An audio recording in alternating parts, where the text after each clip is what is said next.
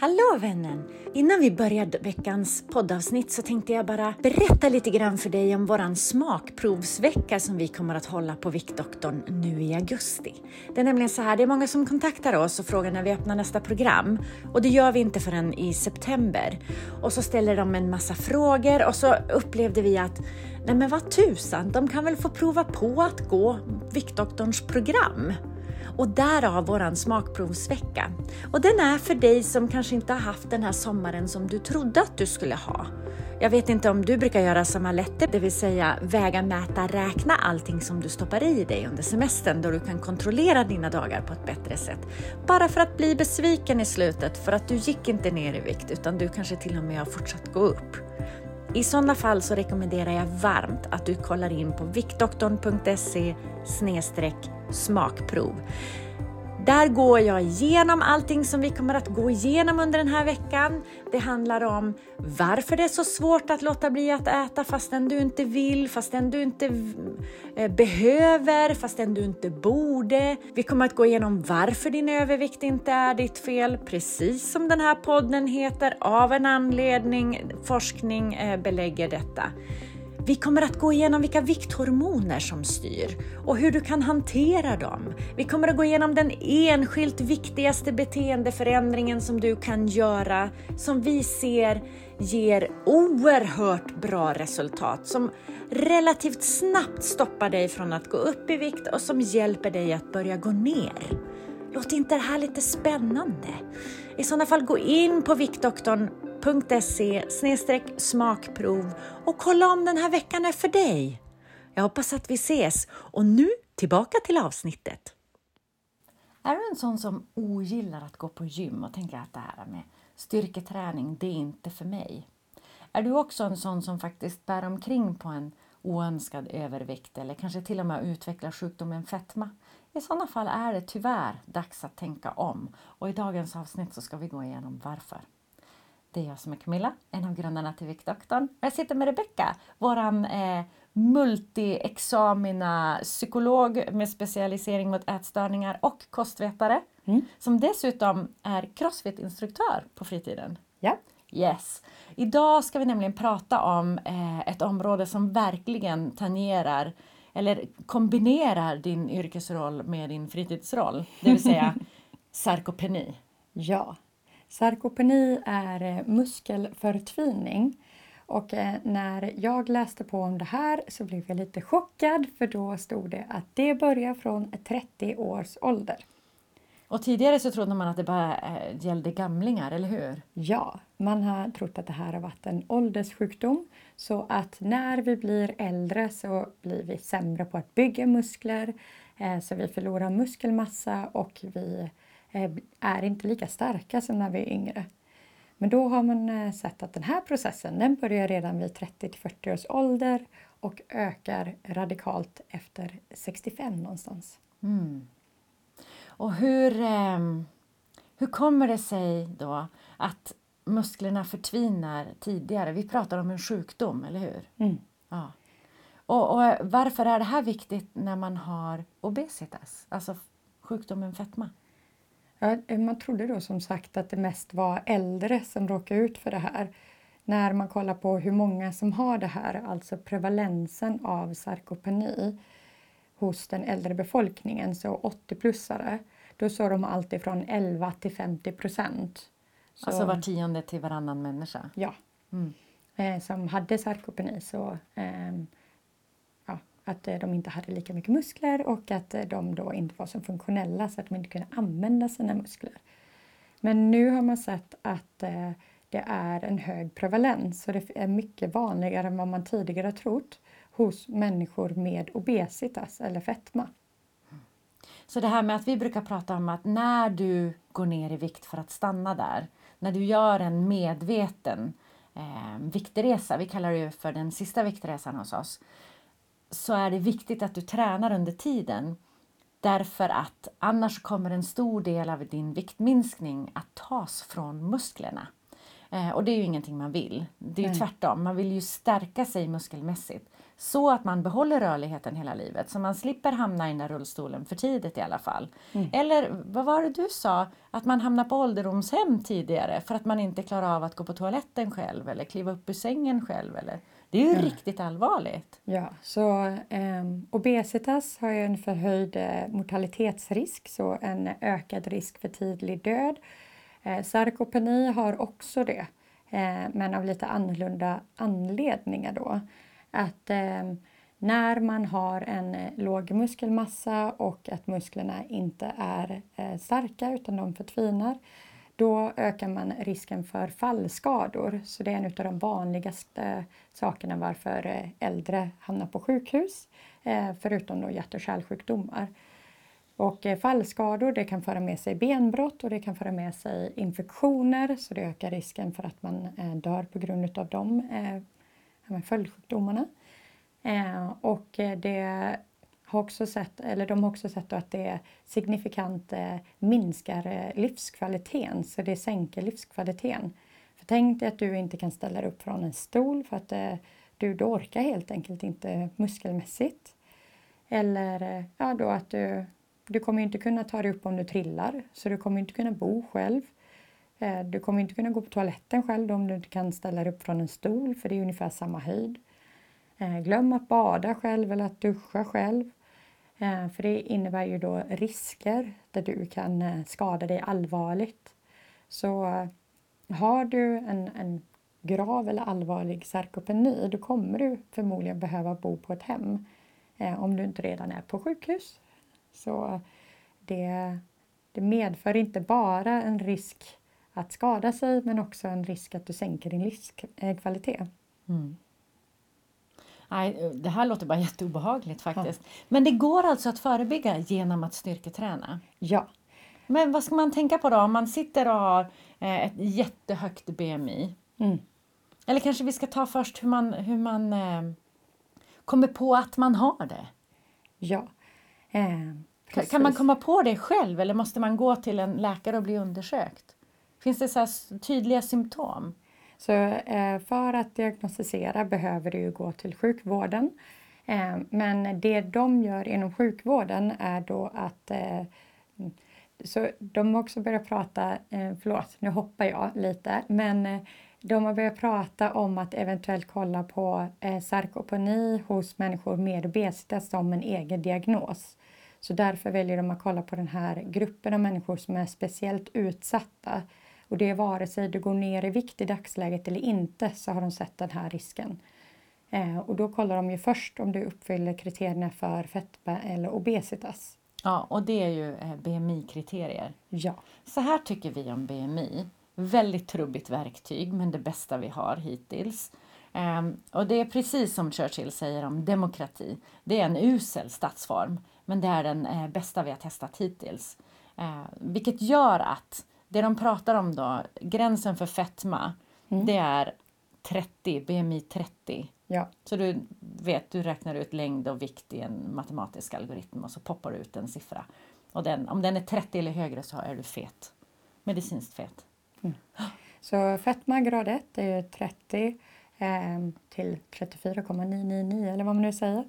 Eh, fetma grad 2 35 till 40 om jag bara gör det lätt för mig själv och fetma grad 3, 40 uppåt. Om man då, eftersom fetma är ett rätt trubbigt mått för det här eh, och man har mycket pengar så kan man då välja att kolla på ett annat mått och det är att göra en DEXA-skanning. Det är en speciell röntgen eh, som, som är dyr. Ja, jag förstår det, för mm. du har sagt det två gånger. Ja. Så det här är inget, alltså man röntgar hela kroppen och ser. Ja, man eh, röntgar eh, hela individen. Eh, den mäter bentätheten. Men man får en jättefin bild då på hela människan och då kan man se vart massa finns. Så vart är muskelmassa, vart är fettmassa? Ja, men det är spännande. Mm. Eh, det, det, är spännande på många olika sätt och vis faktiskt. Därför man, fetma behöver inte bara sitta i, ja, i och kring organ eller i huden. Det kan också sitta i musklerna som ja. jag förstår det. Ja. Det är lite läskigt. Jag tycker att det är lite läskigt för det är förmodligen eh, också då att eh, det försämrar musklernas funktion. Eh, om vi eh, gissar lite.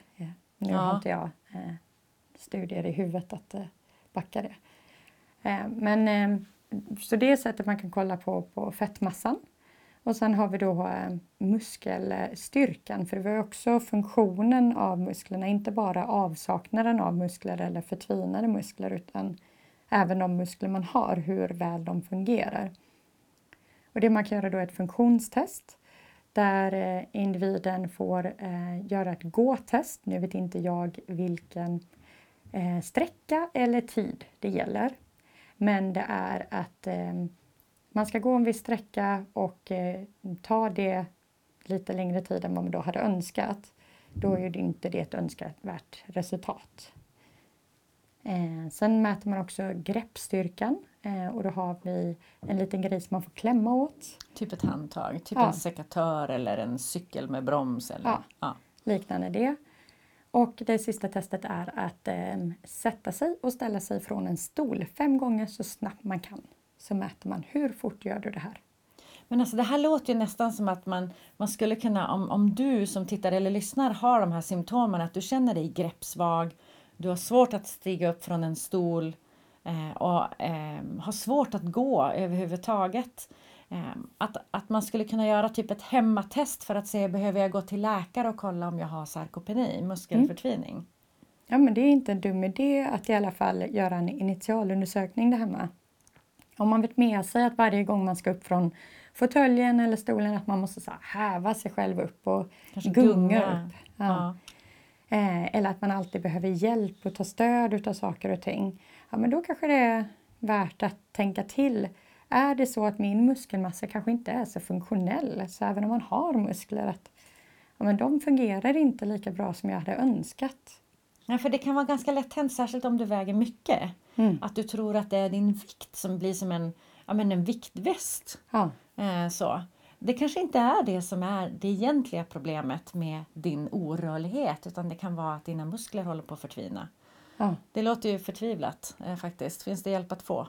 Ja, så det de gör eh, nu eh, är att de pratar mer om eh, eh, kroppssammansättning. Och när jag säger de så menar jag egentligen all forskning inom övervikt och eh, obesitas. Så man har gått bort från det här att bara titta på siffrorna på vågen eftersom när man går ner i vikt så kommer du samtidigt att gå ner i muskelmassa när du tappar fettmassa. Men jag tänker att vågen är ju aldrig bra. Alltså Nej. jag gillar inte våg. Nej. Därför bara, ja men du är ju crossfit-instruktör. Mm. Du har ju jättemånga som tränar på ditt gym. Ja. Som är superstarka. Alltså verkligen jättestora muskler. Kanske till och med grov benstomme. De kommer ju lätt över BMI 25. Vilket är gränsen för övervikt. Mm. Men de är inte, har egentligen ingen övervikt. De har bara väldigt mycket muskler och eller grov benstomme. Eller hur? Ja, de har inte så, Så mycket ju- fett, fettmassa. fettmassa. Nej, Mm. särskilt inte de som tävlar. Nej, Nej, så vågen är inget bra. nej. Så då försöker vi gå bort från att titta på siffrorna på vågen och istället röra oss mot att titta på hälsa.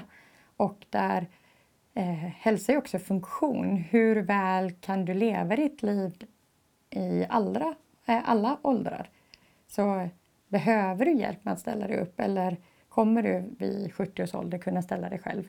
Eh, om du nu liksom, har kunnat det tidigare. Mm. Ehm, och det, det kan man skydda eh, genom att eh, äta protein och att eh, styrketräna två till tre gånger i veckan. Äta protein är ganska lätt. Det är bara att Mm. se till att du får i dig antingen då kött, fisk, kyckling, eh, fågel eh, eller baljväxter eh, och eh, vad är det mer? Tofu. Mm. Så att du kan ju välja, men bara se till att du hela tiden får i, och varje dag. Du behöver få i dig protein varje dag på något sätt.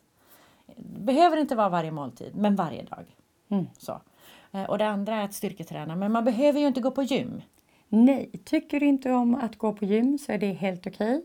I början om man inte är van, då kan det ju vara så att man använder sin egen kropp som eh, motvikt. Så att eh, man gör rörelser där man förflyttar sin egen kropp, till exempel att sätta sig ner på en stol och ställa sig upp igen. Gör det fem gånger, vila lite. Gör fem sådana set av fem repetitioner så har du gjort 25 repetitioner sammanlagt. När det börjar bli lätt så kanske du sätter det på en pall istället. Och, Och så när, lite lägre ner. jajamän. Eller du brukar ha ryggsäck med böcker. Ja, Ja. precis. Eh, Att eh, lägga till en extra vikt. Eh, Så att eh, det motsvarar ju att eh, man har en skivstång på ryggen. Speciellt om man har så mycket bok- böcker som eh, Camilla har. Jag älskar böcker. Och jag tycker det är lättare att hitta böckerna när de är färgkoordinerade. Ja. Mm. För er som inte ser det här då så är det en fantastisk vägg här bakom oss med massa olika färger på böckerna. Utan er, ni som lyssnar kan få föreställa er det som... eh, Ja, det, det går från vitt till svart. Mm. Regnbågen, typ. Mm. Så man kan använda en extern vikt som lite böcker eller eh, ett barnbarn eller ett barn när det börjar bli lätt att göra det utan eh, vikt. Då. Eh, Det viktigaste där är att göra det progressivt så att man ökar utmaningen eftersom. Och det kan man göra genom att öka antal repetitioner eller att öka belastningen eller rörelseomfånget så att man kanske till och med låtsas som att man sätter sig på en stol. Man duttar rumpan liksom i luften när man sätter sig. Mm. Man lurar stolen. eh, nej, jag kommer inte ner. Eh, all right. men bra! Då har vi alltså tittat på att det finns en sjukdom eh, som orsakar muskelförtvining. Vi ser i samhället att det inte bara har med ålder att göra utan att det är eh, väldigt utspritt, särskilt bland människor med obesitas, alltså BMI 30 och uppåt. Eh, symptomen som man kan upptäcka själv är att det är svårt att ta upp sig upp från sittande. Så man behöver stödja sig eller gunga eller på något sätt få hjälp med att ta sig upp. Eh, det kan också vara så lite faktiskt att man faller ner när man sätter sig va? Mm. för att man inte riktigt orkar hålla emot. Ja. Ja. Eh, att det är svårt att gå snabbt. Ehm, inte bara det här eh, konditionsträning, att, att gå snabbt för att kunna och ändå kunna prata. Så, utan faktiskt att det är svårt att gå snabbt. För musklerna orkar inte riktigt. Och det är svårt att greppa saker och det kan man ju ofta se nu vet inte jag om det har hänt så här särskilt med ett av mjölkbolagen. Men jag klarar inte av att öppna mjölkkapslarna längre. Eh, på ett visst märke. Det får min man göra. Han har väldigt stora starka händer. Men om du känner att du brukar kunna öppna det här och det inte går längre så att du blir helt enkelt svag i greppet. Ja. Då kan det också ha med saken att göra. Gå då till din vårdcentral och be att de eh, kollar dig. Under tiden kan du alltid se till att äta lite Sätt fokus på att äta protein så att du får i dig det varje dag och faktiskt styrketräna med din egen kropp. Jajamän. Innan vi avrundar vill jag bara fråga. Du har väl inte glömt bort att komma ihåg att gå in på viktdoktorn.se smakprov för att kolla om våran smakprovsvecka är för dig. Har jag sammanfattat allt? Jag tycker det. Strålande! Stort tack för idag. Stort tack till dig som har tittat eller lyssnat. Och vi kommer alltså tillbaka i samma kanal, samma plats, samma tid eh, nästa vecka om du vill. Ta hand om dig. Hej då! Hej då!